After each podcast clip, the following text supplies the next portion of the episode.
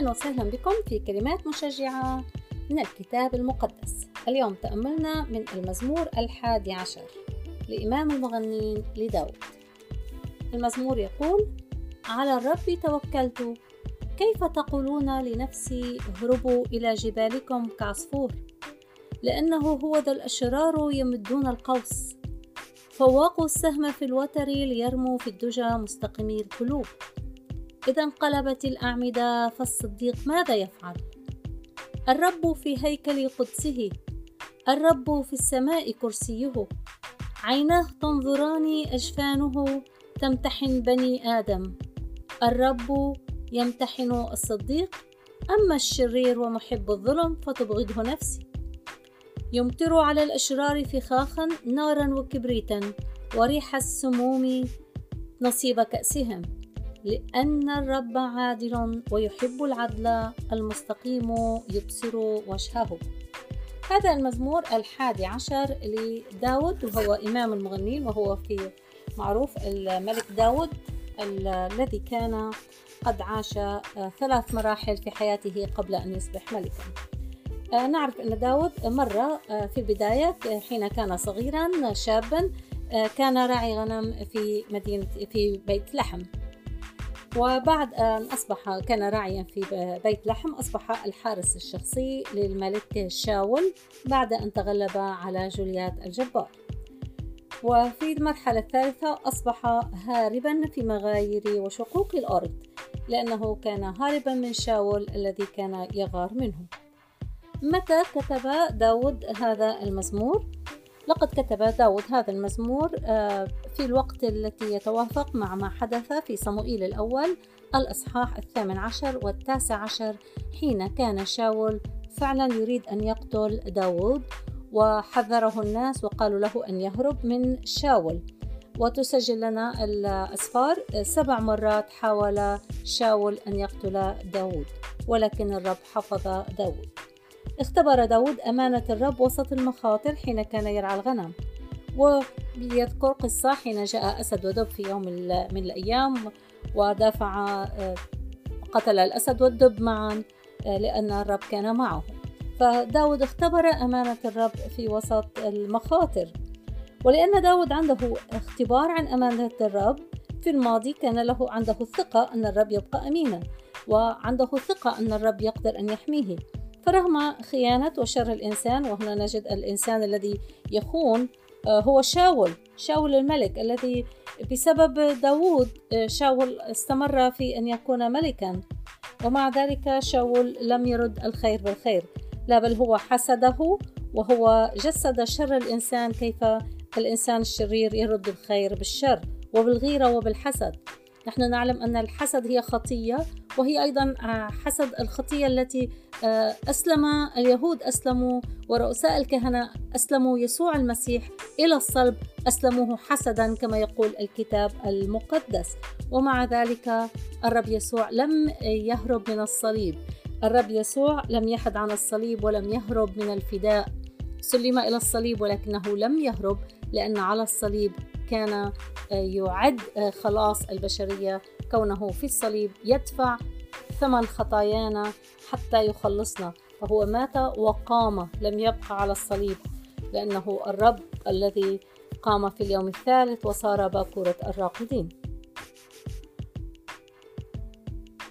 يبدأ المزمور بالتوكيد على أن داود متكل على الرب فهو يقول على الرب توكلت والسؤال هل أنا أعيش هذه الآية مثل داود؟ هل أنا فعلا أعيش وأقول على الرب توكلت؟ متى نتوكل؟ متى نتوكل؟ هل نتوكل في وقت الخطر؟ أم حين يكون الأمور جيدة نقول التوكل سهل الآن وحين تصير الأمور صعبة نفتكر أن الرب تركنا؟ متى نتوكل؟ يقول المزمور هو ذا الأشرار يمدون القوس فوقوا السهم في الوتر ليرموا في الدجى مستقيمي القلوب. يعني الخطر قريب جدا والخطر شديد والقوس جاهز ليرمى في الدجى ولكن نتمسك بالرب. يقول على الرب توكل. على مرصدي أقف ما يقول حبقوق.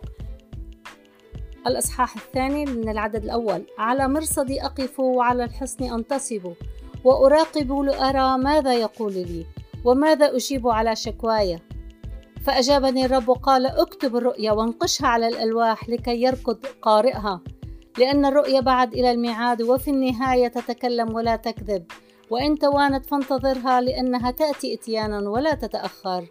وأخيرا يقول الرب هنا والبار بالإيمان يحيى والبار بإيمانه يحيى نحن نعيش بالإيمان وليس بالعيان.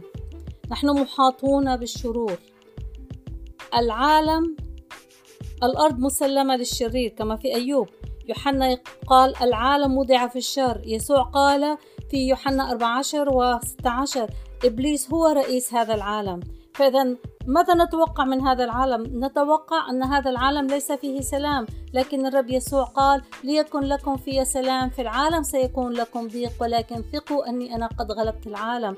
فالمؤمن سلامه هو من الله، سلام المؤمن هو من علاقته مع الله وليس من الظروف. الأرض وضعت للشرير، الأرض فيها شر، يعني يمكن أن يكون نهار نظن أن هذا النهار جيد ثم يأتي نهار ليس جيد. الشرير يعمل في هذه الأرض والرب هذه فترة صبر الرب. الرب يصبر. نحن نعيش صدقوني نعيش في زمان صبر المسيح. الناس تبعد عن الرب والرب ينتظر عودتهم وتوبتهم. الرب صابر ولكن سيأتي يوم سيأتي يوم والرب يعاقب الأشرار ثم يقول إذا انقلبت الأعمدة فالصديق ماذا يفعل؟ ما هي الأعمدة التي تنقلب؟ ما هي الأعمدة؟ تنقلب أعمدة الحق تنقلب أعمدة الحق وينتشر الفساد الأعمدة انقلبت كما نرى في حين حين سلم الناس براء الناس قالوا أطلق لنا بارابس انقلبت أعمدة الحق بدل أن يفرجوا عن يسوع أرادوا أن يحرروا المجرم. انقلبت الأعمدة. حين كان بطرس آه، بطرس ويوحنا شافوا الأعرج من بطن أمه. ماذا حصل؟ قال إن كنا قال بطرس إن كنا نفحص اليوم عن إحسان إلى إنسان سقيم. يعني كان بطرس ويوحنا شافوا شخص باسم يسوع شافوا الأعرج من بطن أمه ولكن الكهنة وقادة جند الهيكل والصديقيون جاءوا آه، يعاقبون بطرس ويوحنا لأنهم عملوا إحسان. الأعمدة تنقلب. الأعمدة ممكن أن تنقلب ولكن ماذا يفعل الصديق حين تنقلب الأعمدة؟ الصديق يتذكر أن الرب عادل. تذكر أيها الإنسان أن الرب معك. الرب قريب في كل الظروف الرب سامع الصلاة. الرب يشفع فينا في كل حين. قال الرب يسوع الشيطان طلبكم لكي يغربلكم ولكن صليت كي لا يفنى إيمانك.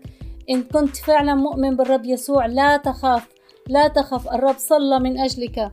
عيناه تنظران الرب ساهر لا ينعس ولا ينام. لا تخاف لا شيء يخفى عن الرب لا شيء يخفى عن الرب. الرب يمتحن الصديق لكي يقويه. إن كنا نمر بامتحان لكن هذا الامتحان حين نتمسك بالرب يكون الامتحان سبب أن نرتفع إلى مستوى روحي أعلى يقوينا ويعطينا ثقة أكثر بالرب ويعلمنا أكثر وأكثر عن أمانته. الرب عادل ويحب العدل. الرب حصنا لنا في كل الظروف. نصلي للرب ونقول له يا رب أعطنا السلام. سلامك يا رب. نريد الاطمئنان. نريد أنك تعطينا الاطمئنان والسلام. كونوا مع الرب يا أحبتي.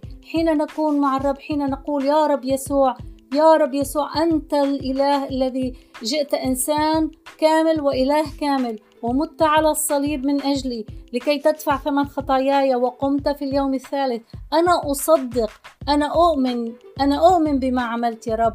يا رب أسلمك حياتي. كن أنت الملك وأنت الرب على حياتي وعلى كل قراراتي يا رب. اقبلني يا رب في ملكوتك اقبلني. انظروا الرص اللص الذي كان على الصليب بجانب يسوع. كل ما كان كان كانت توبة. كان يقول اقبلني في ملكوتك اذكرني في ملكوتك. والرب يسوع قال له اليوم تكون معي في الفردوس. كلها لحظة إيمان لحظة تسليم وحياتك كلها تتغير. أتمنى أن تكون قد استمعتم واستجبتم لدعوة الرب لكم. الدعوة تعال إلى الرب يسوع الآن. سلم أحمالك واختبر السلام الحقيقي مع الرب يسوع. آمين.